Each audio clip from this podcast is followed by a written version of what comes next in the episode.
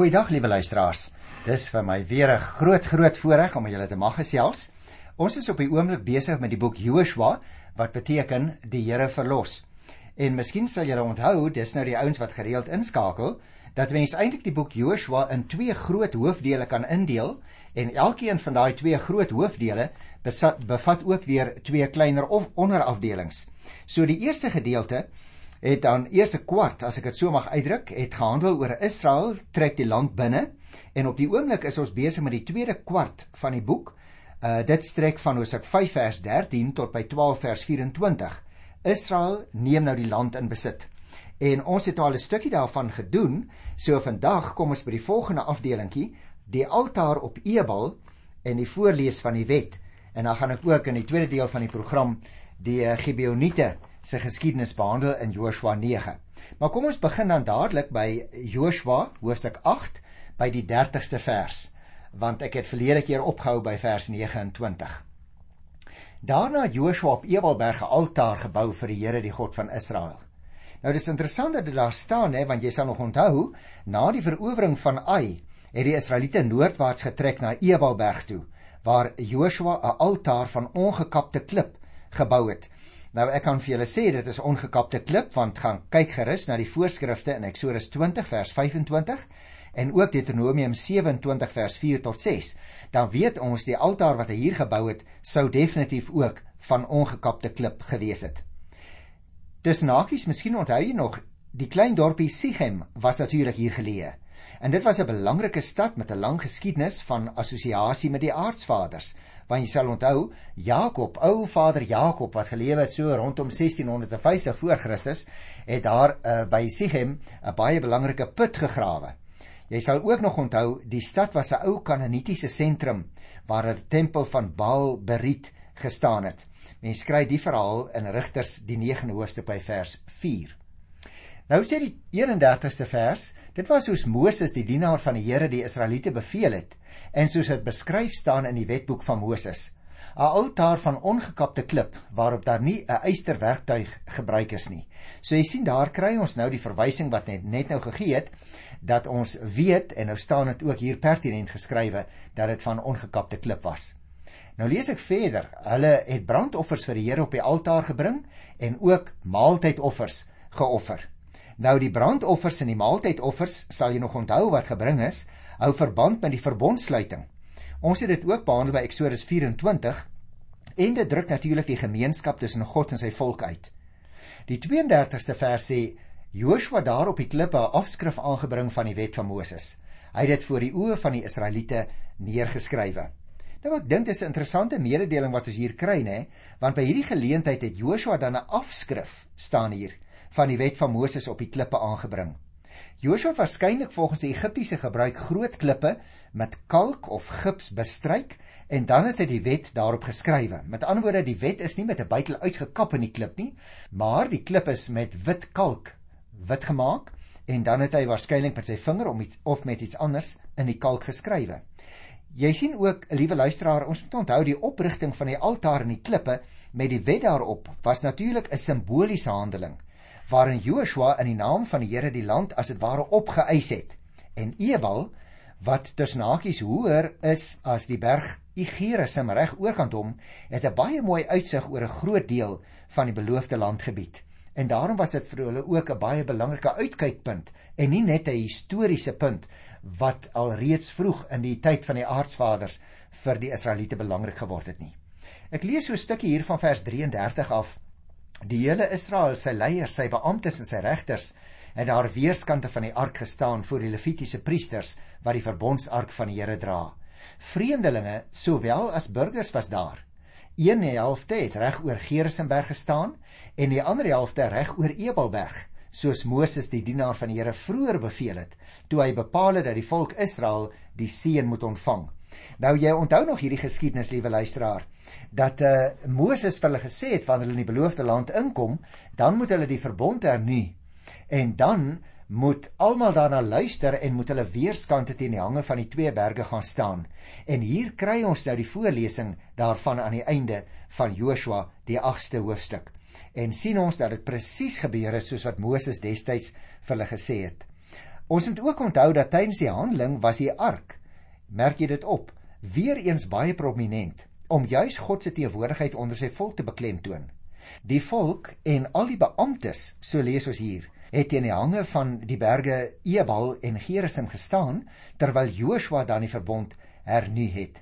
Dit was dus by almal uh belangrik dat hulle bereidheid sou verklaar om God as die verbondsgod te bely en wat deur die verbond natuurlik aan hom verbind was. Joshua het die wet aan hulle voorgehou lees ons. Die seën sowel as die straf lees ons hier in die laaste verse van hoofstuk 8 wat natuurlik nou impliseer dat alles wat tot hulle geluk en welvaart sou lei, hulle toegewens word. Maar indien hulle die verbond sou verwerp, kon hulle alleen maar die vloek waarvan hier sprake is verwag om oor hulle te kom. Nou luisteraars, dit bring ons dan by die volgende hoofstuk. Dit is hoofstuk 9 in die boek Joshua en die opskrif daarvan in die Afrikaanse teks is die Gibeoniete. Nou dis 'n baie interessante gedeelte en miskien moet ek eers net breedweg vir jou die geskiedenis vertel voordat ons 'n bietjie meer na die detail van sekere tekste in Joshua 9 kyk. Ek wil vir jou eers 'n vraag vra. Het jy ook al te goeie trou iemand aanvaar en later dan uitgevind dat hy jou eintlik 'n rad voor die oë gedraai het. Dit gebeur nogal soms wanneer 'n ou 'n tweedehandse motor koop nê of jy koop 'n huis of 'n kind koop 'n fiets by 'n maat en dan word alles wonderlik voorgehou, maar later kom jy agter alles was nie so in orde nie. Jy het so 'n bietjie 'n kat in die sak gekoop nou. Of kom ek vra dit so? Het jy al gesien hoe slim sy baas vang wanneer iemand iets onder 'n voorwendsel doen? en later deur omstandighede gedwing word om by daardie voorwendsel te hou. Nou hierdie dinge het al in Joshua se tyd gebeur in die Ou Testament hoor. Dit is nie iets wat onlangs uitgedink is nie. Die inwoners van die land het naamlik verneem van die gebeure wat plase vind het toe Israel deurgetrek het deur die Jordaan daar by Jerigo en ook Ai hoe dat hulle met hulle tweede aanslag die stad Ai vernietig het. Jy onthou die geskiedenis. En nou het hulle besluit om 'n koalisie teen Israel te vorm. Die Jewite wat in Gibeon en die omliggende 3 dorpe gebly het, was egter baie nader aan die vuur. Hulle het maar net 'n paar kilometer suid van Bethel en Ai gewoon en hulle het natuurlik dus geweet dat hulle die volgende aan die beurt was om ook hulle woongebied teen Israel te sal moet verdedig. En daarom volg hulle nou 'n ander weg as die koalisie en hulle besluit om 'n vredesverdrag met Israel te probeer sluit. Hulle doen dit egter onder die skyn dat hulle uit 'n ander gebied wat ver afgeleë is, afkomstig is en dat hulle aan die kant van Israel graag sou wou veg ter einde die oorwinning oor sekere plekke te behaal. Maar slim het hier sy baas gevang hoor. Hulle probeer nou Joshua hulle tot die vredesverdrag oorhaal onder die voorwendsel dat hulle selfs bereid is om Israel se onderdane te wees. Jy sal dit vind hier in Joshua 9 by die 8ste vers. Maar ironies genoeg word hulle juis op die ou einde houtkappers en waterdraers van Israel. Jy sien liewe luisteraar, wie met leuns rondloop, word later die slaaf van sy eie leuns. Kom ons lees die eerste 2 verse in hoofstuk 9 van die boek Joshua. Al die konings wes van die Jordaan, die in die bergland, die Laagveld, aan die hele kus van die Groot See en tot reg oor die Libanon Dit wil sê die Hittite, Amorite, Kanaaniete, Feresiete, Hewite en Jebusiete het van Joshua gehoor en hulle het eendragtig saamgespan om teen hom en Israel te veg. Nou baie interessant want jy merk dit dadelik op hier as inleiding tot die verhaal rondom die Gibeoniete word nou eers vermeld dat die konings van die stadstaate wes van die Jordaan hulle aan mekaar verbind het om die Israelitiese bedreiging die hoof te bied. Die konings se gesagsgebied word nou beskryf as die Bergland en die Laagveld, sowel as die hele kus van die Groot See, dit is nou die Middellandse See, en dan verder noordwaarts tot by die Libanon gebergte. Luisteraars, die volke wat hier gewoon het, sou moes plek maak vir die Israeliete. Jy sal onthou in Hosea 3 by die 10de vers word 7 en hier word 6 verskillende volke vermeld. Die hoofstuk vorm dus die inleiding tot die groot beskrywing van die oorloë wat ons later sal kry in volgende programme in Hosea 10 en 11. Wat dus as 'n eendragtige verset teen Israel en die Here begin is, sou eindig in neerlaag en onderworpenheid. Kom ek lees vers 3 tot 5. Maar toe die inwoners van Gibeon, dis nou so 'n klein dorpie nê, uh dit is vandag tussen hakies bekend as El Jeep, so 'n bietjie noord van uh Jerusalem. Nou staan hier maar toe die inwoners van Gibeon hoor wat Joshua met Jerigo en Ai gedoen het, het hulle 'n slim plan gemaak. Hulle het padkos ingepak. Hulle het verslete saalsakke op hulle donkie saamgeneem en verslete wynsakke wat geskeur en weer toegewerk was aan hulle voete was verslete. Gelapte skoene en hulle het verslete klere aangetree. Al hulle padkos was droog en verkrummel. Die vernietiging van Jerigo en Ai lees ons hier het spesifiek en direk daartoe aanleiding gegee dat die klein dorpie was eintlik maar 'n vesting, naamlik Gibeon, vrede met Israel nagestreef het terwyl die ander inwoners van die land hulle vir oorlog voorberei het. Gibeon is omtrent so 10 km sou ek sê, uh ook suid suidwes van Bethel wat heelwat verder in die noorde van Jerusalem af lê. En dan kom ons nou hier by vers 6 en 7. Hulle het nou nou moet jy baie mooi luister hoe slinks hulle is. Hulle het na Joshua toe in die kamp by Gilgal gegaan en vir hom en die Israeliete gesê: "Ons kom uit 'n ver land," wat nou natuurlik 'n leuen was, né? "Ons kom uit 'n ver land en ons kom vra dat u met ons 'n verdrag sluit." Die Israeliete het toe vir die Gibeoniete wat Hiwite was, gesê: "Dalk woon julle hier tussen ons. Hoe kan ons dan met julle 'n verdrag sluit?" Jy sien die Israeliete is tog wel so bietjie skepties, want die Gibeoniete het Joshua en die Israeliete doelbewus probeer mislei sodat hulle in 'n verdrag betrek kon word en hulle het nou voorgegee dat hulle van 'n ver land afkom. Vers 8 tot by vers 13 vertel die res van die geskiedenis. Ek gaan dit nou nie in detail lees nie. Vers 8 sê Joshua het vir hulle gesê: "Ons wil die onderdane wees." "Maar wie is julle? Waar kom julle vandaan?" vra Joshua. En hulle antwoord: "Ons kom uit 'n baie ver land. Ons kom op grond van die roem van die Here u God. Ons het van hom gehoor en van alles wat hy met Egipte gedoen het en ook van alles wat hy met die twee Amoritiese konings oor kan die Jordaan gedoen het. En dan vertel hulle 'n hele stuk van die geskiedenis van Israel met antwoorde hulle was eintlik baie goed ingelig. Nou staan daar in die 12de vers kyk ons brood. Dit was nog warm toe ons dit uit ons huise gebring het om vir ons padkos saam te vat die dag toe ons daar uit toe vertrek het. Nou is dit droog en verkrummel. En kyk ons wynsakke wat nuut was toe ons hulle vol gemaak het. Nou is hulle vol barste. Kyk hoe verslete is ons klere en ons skoene van die lang pad. Nou aan die begin het jy opgemerk daar van die 8ste vers af uh om die roem van die God van Israel wat hulle gehoor het aan Joshua en sy mense te vertel. Vir vrede met Israel was hulle nou bereid om 'n hoë prys te betaal, naamlik ons wil u onderdane wees, so sê hulle. En nou toe die saak in die teenwoordigheid van Joshua beredeneer is, het die Gibeoniete slegs van die uittog uit Egipte en die oorwinning oor Sion en Og in die Transjordaanse gebied melding gemaak. As hulle dus nou van Jerigo en Ai gepraat het, dan sou hulle hulle self weggegee het, want hulle kon natuurlik nie in 'n ver land op hierdie stadium alreeds van Jerigo en Ai se vernietiging gehoor het nie. Hulle fisieke voorkoms is wel dit wat hulle gesê het. En dit lyk dus op die oog af asof hulle regtig van 'n ver land afkom.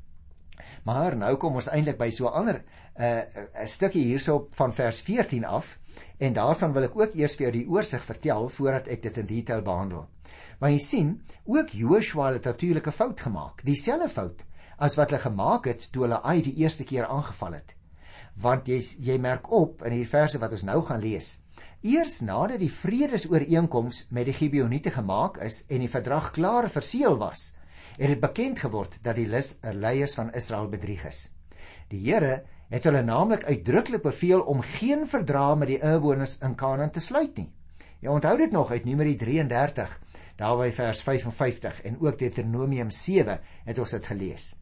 As strateeg sou ek ook dink, liewe luisteraar, moes Joshua geweet het dat hy voor elke veldslag die Here se leiding behoort te vra. Aangesien die vredesverdrag op die oog af heel eenvoudig gelyk het, het hy en die ander leiers sommer self die besluit geneem. Hulle het nie die Here geraadpleeg nie. Hulle het dus die Here nie om leiding gevra nie. En gevolglik het hulle uiteindelik in 'n verleentheid beland en 'n ongemaklike verbintenis aangegaan met hierdie mense. En hierdie ooreenkoms het selfs tot in koning Dawid se tyd 'n naderdraai gehad toe die Gibeoniete wraak geëis het omdat Saul in sy tyd nie die ooreenkoms wat Joshua met hulle gesluit het eerbiedig het nie. Jy kan daardie uh, verhaal gaan lees in 2 Samuel 21, die eerste 14 verse. Maar kom ons kyk nou so 'n bietjie na die meer uh, detail van die vertelling wat ons hier kry. Vers 14 sê: Die Israeliete het na die padkos gekyk, maar nie die Here geraadpleeg nie. Nou is dit vir my baie interessant, liewe luisteraar, die skrywer van hierdie gedeelte in die boek Joshua teken die situasie met 'n tikkie humor as hy sê: Die Israeliete het na die padkos gekyk, maar nie die Here geraadpleeg nie. Jy sien, hulle is mislei omdat hulle op hulle eie oordeel en insig staat gemaak het. Die 15de vers sê: Joshua die Gibeoniete goed behandel, met hulle verdrag gesluit dat hulle lewens gespaar sal word. Die leiers van die volksvergadering het dit met 'n eed bevestig. Jy sien, wat ons dus eintlik hier kry, is dat die taktiek wat Gibeon gevolg het met sukses bekroon word wanneer Joshua hulle goed behandel. Lees ons hier en met hulle 'n verdrag sluit. En daarom, die 16de vers. 3 dae nadat die verdrag gesluit is, het die Israeliete gehoor dat die Gibeoniete hulle bure is en eintlik tussen hulle woon. Jy sien sommer net na 3 dae kom hierdie bedrog nou na vore. En Israel besef dat die mense wat hulle gesê het ons kom van ver af, maar eintlik net 'n hane tree daar van Bethel af woon. Uh en dat hulle eintlik self ook Kanaaniete is. En dan van vers 17 af die Israeliete dadelik vertrek en op die derde dag by die stede van die Gibeoniete aangekom. Die stede was Gibeon, Kefira, Beerot en Kirjat Jearim. Die Israeliete het hulle aangeval nie omdat die leiers van die volksvergaderinge eet teenoor die Gibeoniete afgelê het voor die Here die God van Israel. Maar die hele volk het teen die leiers gemor. Die leiers het vir die volk gesê ons het 'n eed teenoor hulle afgelê voor die Here die God van Israel. Ons kan nie nou aanval nie. Ons moet ons weerhou en hulle lewens spaar sodat die eed wat ons teenoor hulle afgelê het nie die straf van God op ons bring nie. Die leiers het verder ook nog vir die volk gesê: "Laat hulle lewe maar dan moet hulle houtkappers en waterdraers van die hele volk word. Nou dit is vir ons baie belangrik luisteraars om op te let wat hier gebeur. Want jy moet sien, die Gibeoniete het vier stede bewoon in 'n gebied wat direk wes was en ook so bietjie na die noorde van Jerusalem. Die Israeliete daarin opgetrek, maar natuurlik kon hulle nou nie hierdie mense aanval nie omdat hulle deur hulle eie eed wat hulle gesluit het, verbind was om hulle nie aan te val nie. Die leiers wat op hulle eie insig vertrou het, besef dat 'n eed in die naam van God nie verbreek mag word nie. Maar op die een of ander manier moes hulle tog uiting gee aan hulle misnoë oor die feit dat hierdie mense hulle bedrieg het. Daarom gaan ek nou hier lees van vers 22 af. Nadat die leiers toe nou met die Israeliete gepraat het, het Joshua die Gibeoniete geroep vir hulle gesê: "Hoekom het julle ons bedrieg? Julle het gesê julle woon ver van ons af. In al die tyd woon julle eintlik tussen ons. Daar rus nou 'n vloek op julle.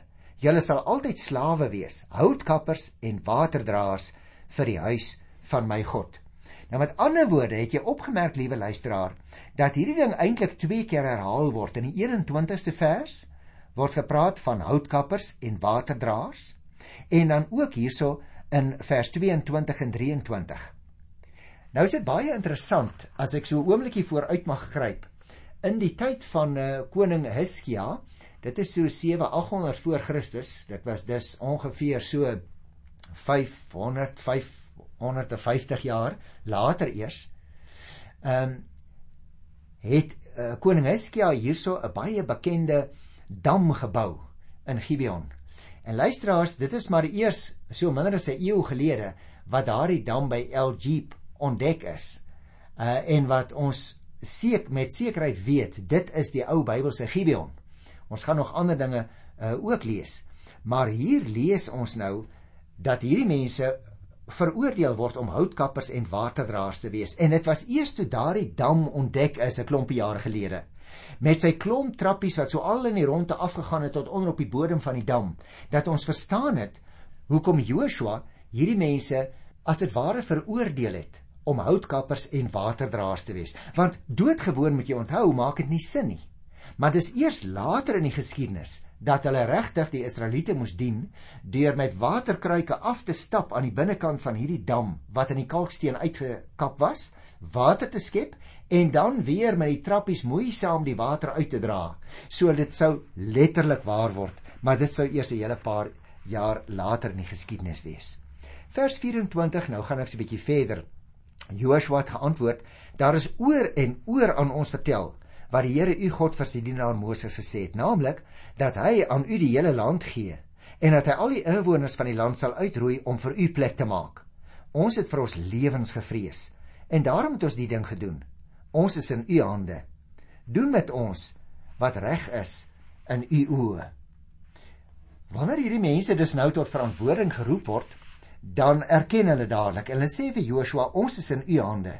Jy sien liewe luisteraar, die raad van die leiers word nou werklikheid as Joshua die verdrag met hulle in ere hou, maar hy degradeer hulle tot slawe vir die volk en vir die altaar van die Here. Hulle gaan houtkappers word en waterdraers in die toekoms. En nou dat hulle bedrog aan die kaak gestel is, word hulle woorde ons wil graag u onderdane wees wat mense vers 8 gekry het en ook nou in vers 11 nou word dit letterlik waar want die Hebreëse woorde vir onderdaan beteken ook slaaf jy sien deur noukeurige woordkeuse het die skrywer dus hier op 'n fyn manier met die mense van Gibeon gespot hulle het gesoek of gevra as jy wil en hulle het gekry Ek wil tog net hierdie vers 26 en 27 saamvat. Die twee laaste versies van ek dink dis vir ons baie belangrik. Joshua het so gemaak. Hy het hulle beskerm teen die Israeliete dat die hulle nie doodmaak nie. Maar hy het hulle van die dag af as houtkappers en waterdraers gemaak vir die volk en vir die altaar van die Here op die plek wat die Here sou kies. Dit is vandag nog so. Met ander woorde, die eindkompilator van die boek Joshua sê, nou terwyl ek hier skryf en dit is heel wat na die gebeure self, nou is dit nog so. Met ander woorde, hy wil as dit ware bevestig dat daardie straf wat Joshua oor hulle aangekondig het, in sy, dit wil sê die skrywer van die boek of die kompilator as jy wil, letterlik waar geword het en in sy tyd was dit nog so. Nou om hierdie laaste twee verse net op te som sou ek dit wou sê. En jy moet dit opmerk want dit is belangrik. Joshua en sy raadgewers het 'n fout gemaak. Maar hulle terselfdertyd ook hulle woord gegee en daarom moes hulle ook nou die Gibeoniete beskerm. Hulle kon nie net doodmaak nie want die verbond wat hulle met hulle gesluit het was natuurlik bindend. En die feit dat hulle bedrieg is, het niks aan die geldigheid van hulle beloftes verander nie. Jy sal nog onthou daar uit Levitikus 5 vers 4 en ook Hosea 27 vers 9 en 10 God se wet het bepaal dat 'n belofte nagekom moes word. En dit was dus 'n baie ernstige misdryf om die wet te oortree. 'n Mens moet altyd versigtig wees, liewe luisteraar. En dit geld nou ook vir jou, vir my in ons tyd. 'n Mens moet altyd baie versigtig wees met jou beloftes. En jy moet mooi kyk met wie jy moet saamloop in die lewe. En daarom moet jy die mense met wie jy ooreenkoms aangaan ook goed deurkyk. Dit is seker belangrik wanneer 'n mens dink aan besigheidstransaksies. Maar dit is natuurlik ook belangrik in godsdienstsin. Want jy sien liewe luisteraar, jy kan met mense wat ook die Christelike geloof aanhang en die Here Jesus dien, met hulle kan jy 'n baie lang pad loop. Miskien ooreenkomste aangaan om kerkgeboue uh, te leen of selfs uit te ruil van tyd tot tyd oor en weer saam te aanbid, sekere eh, aspekte van mense se liturgie in hulle eredienste oor te neem, maar met mense wat die Here Jesus nie dien nie, kan jy tog nie 'n godsdienstige pad loop nie. Jy kan hulle hoogstens eer vir hulle mens wees. Jy kan met hulle saamwerk, jy kan selfs skouer aan skouer met hulle saamwerk daar op die markplein en in die kantoor elke dag. Maar daar is sekere ononderhandelbare dinge in die Bybel, soos byvoorbeeld as ek nou dink aan die Nuwe Testament. Wanneer die Here Jesus sê in Johannes 14 vers 6: Ek is die weg en die waarheid en die lewe. Niemand kom na die Vader nie behalwe deur my. Dan is dit een van die ononderhandelbare pilare in die Christelike geloof. Daaroor kan nie onderhandel word nie. Daaroor kan nie toegegee word nie. Daarby staan en val jy as ons aan die Here Jesus se kant van die streep staan. In sy wonderlike naam groet ek jou dan tot volgende keer. Tot dan. Totsiens.